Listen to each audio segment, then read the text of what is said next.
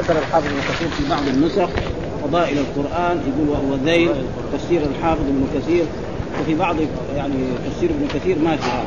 فنحن نقرأ بعض إيش؟ فضائل القرآن لأنه ذكر فيها فضائل القرآن والقرآن له فضائل عظيمة لا يمكن حصرها في كتاب ولا في غير ذلك ولكنه ذكر أشياء قد نستفيد منها جميعا ومنها قال بسم الله الرحمن الرحيم تفسير سورة صاد وهي مكية قال النسائي أخبرنا إسماعيل بن مسعود قال حدثنا خالد يعني بن حارث عن أبي ذئب قال أخبرنا الحارث بن عبد الرحمن عن سالم بن عبد الله عن عبد الله بن عمر رضي الله عنهما قال كان رسول الله صلى الله عليه وسلم يأمرنا بالتخفيف ويؤمنا بالصافات وفرد به المسائل إيش معناها كان الرسول يأمر الأئمة بالتخفيف.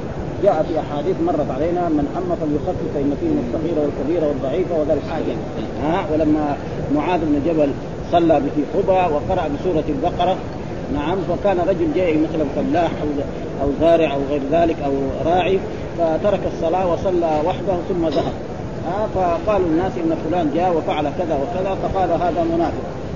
قال معاذ ومعه ناس إن هذا منافق فذهب هذا الرجل إلى رسول الله صلى الله عليه وسلم واشتكى معاذ فناداه الرسول معاذ وقال له افتان يا معاذ؟ إذا صليت بالناس فصل بسبح اسم ربك الأعلى والشمس وضحاها وغير ذلك ومع ذلك كان الرسول يأمر الناس بالتخفيف وهذا إيه يتمثل في إيه في الأئمة وفي قراءة الإمام. ها؟ هذا ها؟ يتمثل في في الإمام وفي قراءة الإمام. مثلا قراءته جيدة حسنة تجد الإنسان يستمع لقراءته ويشوفها كأنها أكثر وشخص يكون قراءته ضعيفة أو يعني صوته ما هو جميل يرى فلأجل ذلك يعني هذا تقريبا الرسول يامرها الائمه بالتخفيف ومع ذلك يؤمنا بالصافات، الصافات معناها أكثر من ربع جزء. ها؟ ها؟ إيه؟ ها؟ فهذا كذلك. كذلك كان أصحاب رسول الله صلى الله عليه وسلم كانوا يؤمنون الناس ويقرؤون بقراءة طويلة. كان عمر بن الخطاب مرة يقرأ مثلا بسورة هود حتى وصل قصة موسى فاصابته سعلة فركع ثم بعد ذلك غلب البال. ها؟ وين مرات يقرأ يوسف يوسف. وهذا على كل حال يعني الناس اولين يعني فيهم رغبة للصلاة ولا ارحنا الرسول كان يقول بالصلاة. الحين الناس أهل السوق وأهل الشارع يبغى الدوام يعني يقدم يروح لشغل ها؟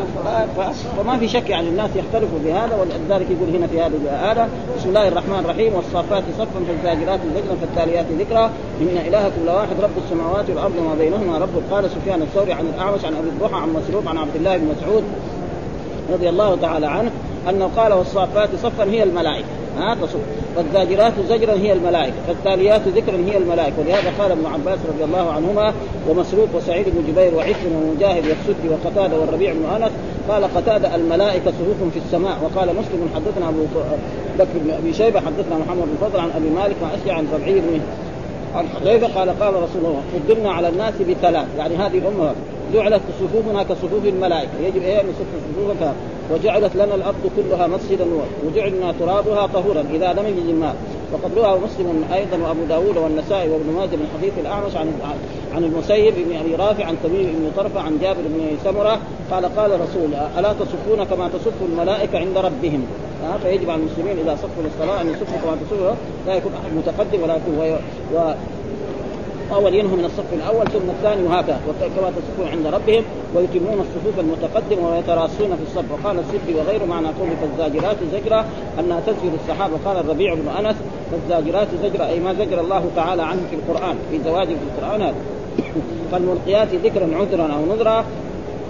وقوله عز وجل إن إلهكم لواحد هذا هو جواب القسم. دائما القسم لا له من جواب. ها واكتفى بذكر رب المشارق وهو المالك المتصرف في الخلق بتسخيره بما فيه من كواكب ثوابت وسيارات تبدو من المشرق وتغرب من المغرب. واكتفى بذكر المشارق عن المغارب. بدلالتها عليه. لما قال رب المشارق لازم هو يصير رب إيه؟ كمان المغارب. هذه يعني شيء معروف. ثم قال إنا زينا السماء الدنيا بزينة من كواكب وحفظا من كل شيطان مارد لا يسمعون إلى الملأ الأعلى ويقذفون من كل جانب دحورا ولهم عذاب واصب إلا من خطف الخطف أتبعه شهاب ثاقب يخبر تعالى أنه زين السماء الدنيا للناظرين يعني الدنيا معنى القريبه إليه. ها؟ ها؟ بزينته الكواكب وقرأ بالإضافة وبالبدل. ووجه مناسبة هذا الحديث بفضائل القرآن أنه ابتدأ بنزوله في مكان شريف أول آية نزلت في مكة. وفي ها نعم. أول آية نزلت في مكة في مكان شريف وهو البلد الحرام. مكة ها وهي إيه؟ يا أيها المدثر قم فانذر وأول اقرأ باسم ربك الذي خلق خلق الإنسان من علق. فهذا إيه مناسبة لإيه؟ لفضائل القرآن كما أنه كذلك في زمن شريف وهو شهر رمضان واجتمع له شرف الزمان والمكان. ولهذا ذكر هذا إيه؟ تفسير أول سورة الصافات ولهذا يستحب إكثار تلاوة القرآن في شهر رمضان لأنه ابتدأ بنزوله. ولهذا كان جبريل يعارض به رسول الله صلى الله عليه وسلم في كل سنه في كل سنة في شهر رمضان. فلما كانت السنة التي توفي فيها عارضه مرتين تأكيدا وتثبيتا. وأيضا في الحديث بيان أنه من القرآن. وكذلك من فضائل القرآن أن القرآن فيه سور مكية وفيه سور إيه مدنية. من القرآن مكي ومنه فالمكي ما نزل قبل الهجرة. كل سورة أو آيات نزلت قبل هجرة الرسول فتسمى مكية. ها سواء كانت في الطريق أو في مكة أو والمدني ما نزل بعد الهجرة سواء كان في المدينة أو في غيرها من أي البلاد حتى ولو كان بمكه مثل قول اليوم أكملت لكم دينكم وأتممت عليكم نعمة. فإنها نزلت في عرفة. ها وكان إيه؟ في السنة العاشرة من هجرته صلى الله عليه وسلم. ومع ذلك تسمى يعني سورة المائدة كلها تسمى مدني وقد أجمعوا على أنها سورة مكية وأخرى من المدني واختلفوا في في أخر. وأراد بعضهم ضبط ذلك بضوابط في تقييدها عسر عسر ونظر. ولكن قال بعضهم كل سورة في أولها شيء من الحروف المقطعة فهي مكية. ها إلا سورتين وهي البقرة وآل عمران. ها فمثلا مثلا الأعراف نعم مثلا سورة يونس هود يوسف آه إبراهيم الحجر حامي الحواميم كلها آه الف لام كلها كلها بصور إيه؟ مكية. هذا معناه يعني بيعطينا إيه؟ يعني قاعدة. والا البقرة وآل عمران ها كما أن في كل سورة فيها يا أيها الذين آمنوا فهي مدنية. كل سورة تشوف فيها يا أيها الذين آمنوا فهي مدنية. لا يوجد في سورة مدنية مكية يا أيها الذين فيها يا أيها الناس.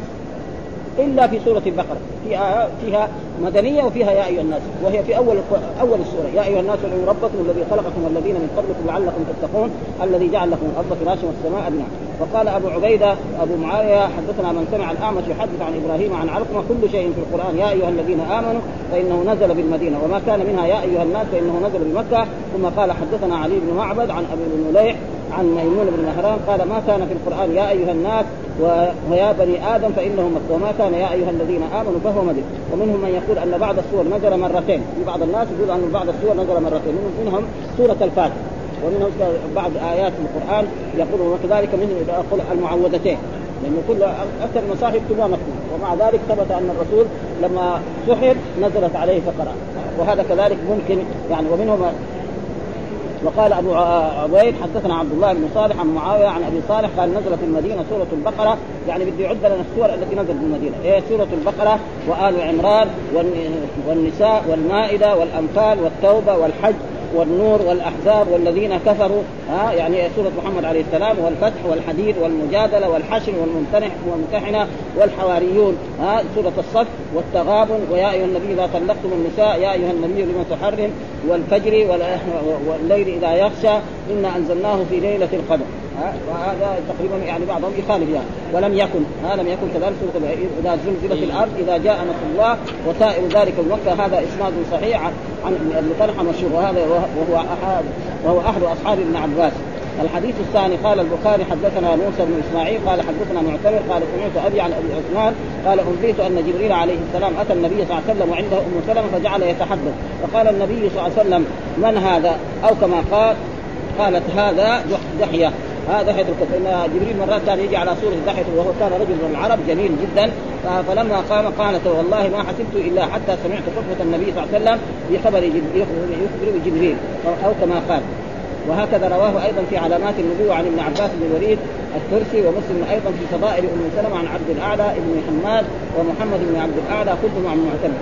والغرض من إيراد هذا الحديث هنا أن السفير بين الله وبين محمد جبريل عليه السلام وهو ملك كريم ذو وجاهة وجلالة ومكانة. كما قال تعالى نزل به الروح الأمين على قلبك لتكون من المنذرين. وقال تعالى إنه لقول رسول كريم ذي قوة عند ذي العرش مكين مطاع ثم أمين وما صاحبكم بمجنون فمدح الرب تبارك وتعالى عبديه ورسوله ورسوليه جبريل ومحمدا صلى الله عليه وسلم. واستقصى الكلام على تفسير هذا المكان في موضعه اذا وصلنا إليه إن شاء الله وبه الثقة. وهنا يعني عشان مساله الواسطة نريد أن نتكلم عليه. الواسطة واسطتان. واسطة شرعية لا بد من إثبات. وواسطة شركية.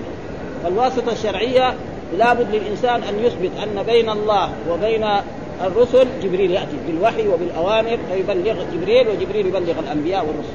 هذه لا بد. واحد يقول ما في هذه الواسطة؟ يؤدي إلى الكفر وإلى الرسل ها واسطة كذلك بين الله وبين الخلق. يرسل الأنبياء والرسل فيبلغوهم إيه؟ التوحيد وما يلزم لله وما يلزم لرسوله إلى غير ذلك لا بد منها.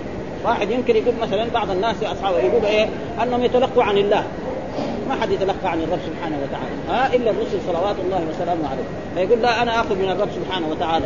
أو يجيني وحي فهذا غلط. واسطة شركية.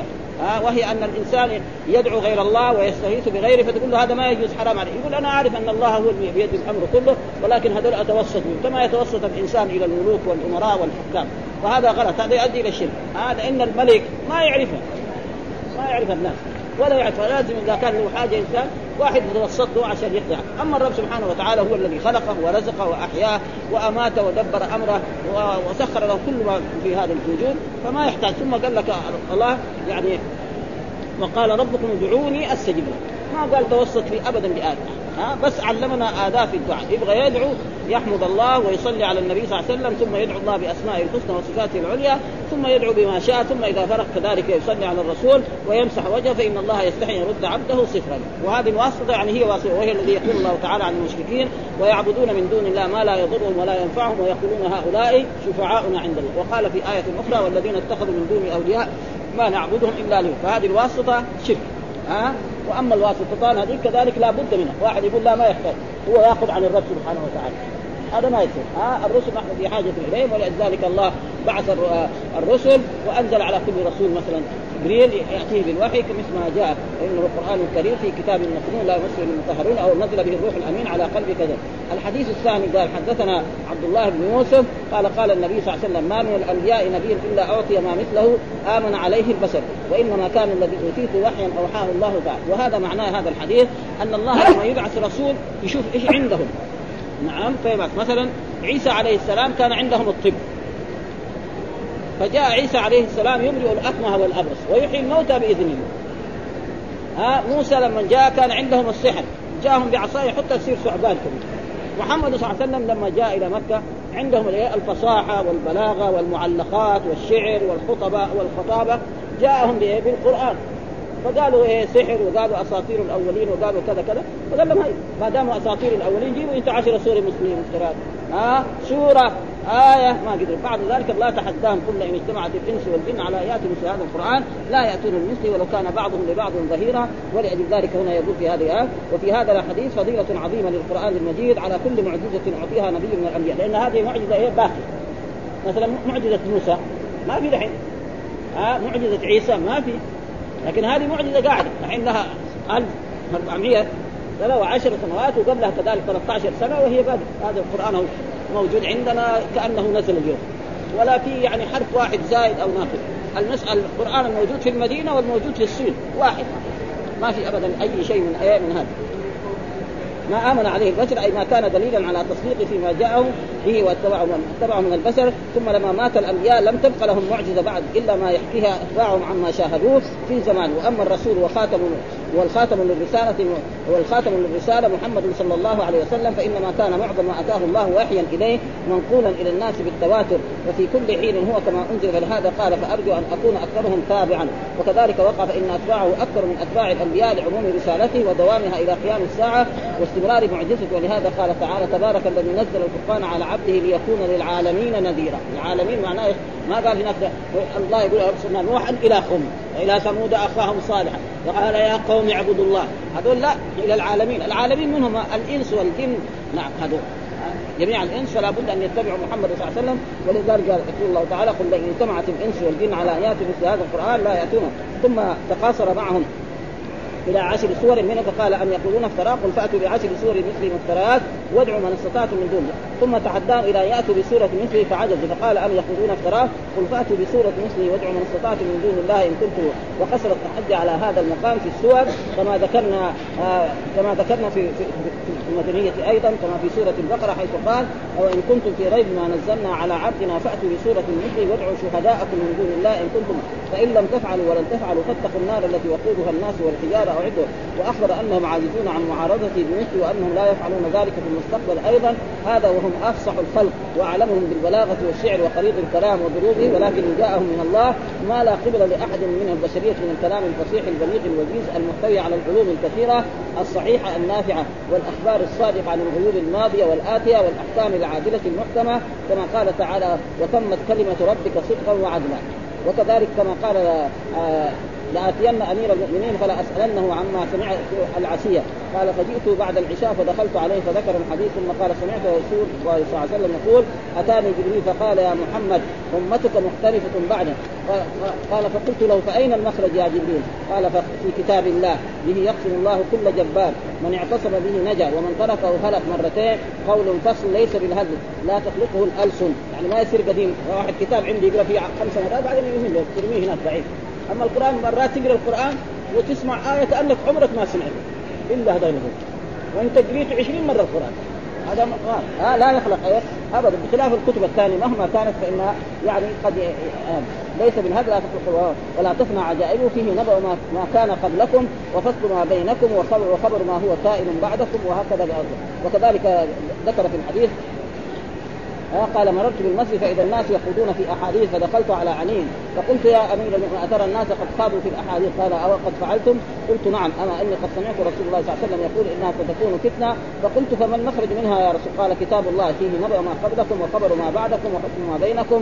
هو الفصل ليس بالهدم. من تركه من جبار قسمه الله ومن ابتغى الهدى في غيره أضله الله وهو حبل الله المتين وهو الذكر الحكيم وهو الصراط المستقيم وهو الذي لا تزيغ به الأهواء ولا تلتبس به الألسن ولا يشبع منه العلماء. ولا يخلق على كثرة الرد يخلق معنى يصير قديم زي التوبة القديم ذا قديم يرموها ها أي شيء. أو قدر أو صعان أو أو وعاء. أما القرآن لا يخدم ابدا. كل ما قرأه كل ما إيه؟ كأنه ما قرأه إلا في هذه المرة. ها ولكن قد عجائب وهو الذي لم تنتهي الجن. في حتى قالت إنا سمعنا قرانا عجبا يهدي إلى الرشد فآمنا به. من قال به صدق ومن عمل به أجر ومن حكم به عدل ومن دعا به إلى هدي إلى صراط مستقيم. خذها إليك يا اعور ثم قال هذا حديث غريب لا نعرفه إلا من حديث حمزة الزيات وإسناده مجهول وفي الحديث مقال. قلت ولم ينفرد بروايات حمزة بن حديث الزيات بل قاله رواه محمد بن إسحاق عن محمد بن كعب القرظي عن الحارث الاعور فبرئ حمزة من عهدته. على أنه وإن كان ضعيف الحديث فإنه إمام في القراءة والحديث مشهور من رواية الحارث الأعور وقد تكلموا فيه بل كذبه بعضهم. وقصار هذا الحديث أن يكون من كلام أمير المؤمنين علي رضي الله تعالى عنه وقد وهم بعضهم في رفعه وهو كلام حسن صحيح على أنه قد روى له شاهد. عن عبد الله بن مسعود قال الإمام المعلم أبو عبد بن القاسم بن سلام رحمه في كتاب فضائل القرآن حدثنا عن عبد الله بن مسعود عن إن هذا القرآن مأدبة فتعلموا من أدبته ما استطعتم. يعني إيه زي إيه تاخذوا إيه علما يعني يعني إيه معنى معنوي. الانسان لما ياكل يتقوى بدنه كذلك هذه المأدب القرآن إذا طالعت فيه وقرأتموه فتستفيدوا يعني بأرواحكم. يكون إيه؟ روح يعني حياة لأرواحكم وطعام لأرواحكم. حبل الله المتين وهو النور المبين والشفاء النافع. عصمة لمن تمسك به ونجاة لمن تبعه. ولا يعوج فيقوم ولا يزيغ فيستعتب ولا تنقضي عجائب ولا يخلق على كثرة الدب ها فاتلوه فإن الله يأجركم على تلاوته بكل حرف عشر حسنات. أما أني لا أقول ألف لام ميم حرف ولكن ألف حرف ألف عشر ولام عشر وميم عشر. وهذا غريب من هذا الوجه. رواه محمد بن فضيل عن أبي إسحاق الذي هو إسماعيل وكذلك هذا يقول فيحتمل والله أعلم أن يكون وهم في رفع هذا الحديث وإنما هو من كلام ابن مسعود ولكن له شاهد من وجه آخر. قال الرسول لا يسأل الله لا يسأل عبد عن نفسه إلا القرآن فإنه كان يحب القرآن فإنه يحب الله ورسوله. قال لا يسأل لا يسأل عبد عن نفسه إلا القرآن فإن كان يحب القرآن فإنه يحب الله ورسوله. قال الإمام البخاري كذلك حدثنا الحديث الرابع في فضائل القرآن عن أنس بن مالك أن الله تابع الوحي على رسوله قبل وفاته حتى توفاه. أكثر ما كان الوحي ثم توفي رسول الله صلى الله عليه وسلم بعده وهكذا رواه مسلم. هذا هذا ومعناه أن الله تعالى تابع نزول الوحي في 23 سنة شيئا بعد شيء كل وقت بما يحتاج إليه ولم تقع فترة بعد الفترة الأولى التي كانت بعد نزول الملك أول مرة بقوله تعالى اقرأ باسم ربك فإن استلبس الوحي بعد حينا يقال قريبا من سنتين أو أكثر ثم حمي الوحي وتتابع وكان أول شيء نزل بعد ذلك يا أيها المدثر قم فأنذر. الحديث الخامس في ذلك آه حدثنا كذلك قال عن جندب يقول اشتكى رسول الله صلى الله عليه ليلة أو ليلتين فأتته امرأة فقالت يا محمد ما أري شيطانك إلا تركك فأنزل الله تعالى والضحى والليل إذا سجى ما ودعك ربك وما قلى. يعني ما كرهك ها؟ ما ودعك. وقد رواه البخاري كذلك مر علينا كان آه وقد تقدم الكلام على هذا الحديث في تفسير سورة له والمناسب في ذكر هذا الحديث والذي قبله في فضائل القرآن أن الله تعالى له برسوله له برسوله عناية عظيمة ومحبة شديدة فحيث جعل الوحي متتابعا عليه ولم يقطعه عنه. ولهذا إنما أنزل عليه القرآن مفرقا ليكون ذلك أبلغ في العناية والإكرام. وقال البخاري رحمه نزل القرآن بلسان قريش والعرب قرانا عربيا بلسان عربي مبين. حدثنا عن الحارث بن هشام أن ينسخوها في المصاحف. وقال إذا اختلفتم أنتم وزيد في عربية من عربية القرآن فاكتبوها بلسان قريش فإن القرآن نزل بلسانهم فافعلوا ذلك. هذا الحديث قطعة من حديث سيأتي قريبا الكلام عليه ومقصوده. آه قال سمعت عمر بن الخطاب يقول لا يملن في, في لا يملين في مصاحفنا هذا إلا غلمان قريش. يعني على لغة قريش لا أو غلمان سقيف وهذا إسناد صحيح. وقال أيضا كذلك حدثنا لما أراد عمر أن يكتب الإمام أقعد له نفر من أصحابه. لما أراد عمر يكتب أقعد له نفر من أصحابه قال إذا اختلفتم في اللغة فاكتبوها بلغة مضر. وهي لغة إيه؟ عرب الذين إيه؟ في الحجاز. فإن القرآن نزل بلغة رجل من مضر وقد قال الله قرآنا عربيا غير ذي عوج لعلهم يتقون وقوله وانه لتنزيل رب العالمين نزل به الروح الأمين على قلبك لتكون من المنذرين بلسان وها وقال تعالى لسان عربي مبين وقال تعالى ولو جعلناه قرآنا أعجميا لقالوا لولا فصلت اياته أعجمي وعربي الآية إلى غير ذلك من الآيات على ذلك. ثم ذكر البخاري رحمه الله حديث يعلم المؤمن أنه كان يقول ليتني أرى رسول الله صلى الله عليه وسلم حين ينزل عليه الوحي. فذكر الحديث الذي سأل عن من أحرم بعمرته وهو متضمخ بطيب وعليه جبة قال فنظر رسول الله صلى الله عليه وسلم ساعة ثم فاجأه الوحي فأشار عمر إلى يعلى أي تعالى فجاء يعلى فدخل رأسه فإذا هو محمر الوجه يغط كذلك ساعة ثم سري عنه فقال أين الذي سألني عن العمره آنفا؟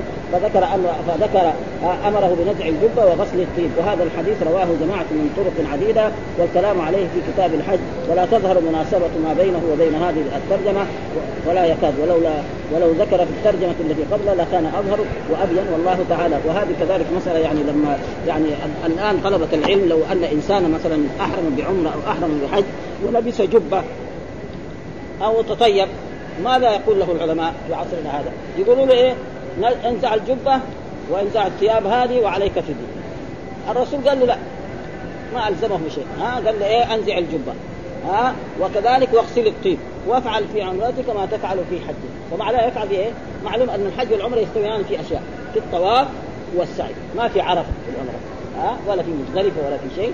هذا معناه يعني ما أردنا في هذا والحمد لله رب العالمين وصلى الله وسلم على نبينا محمد وعلى آله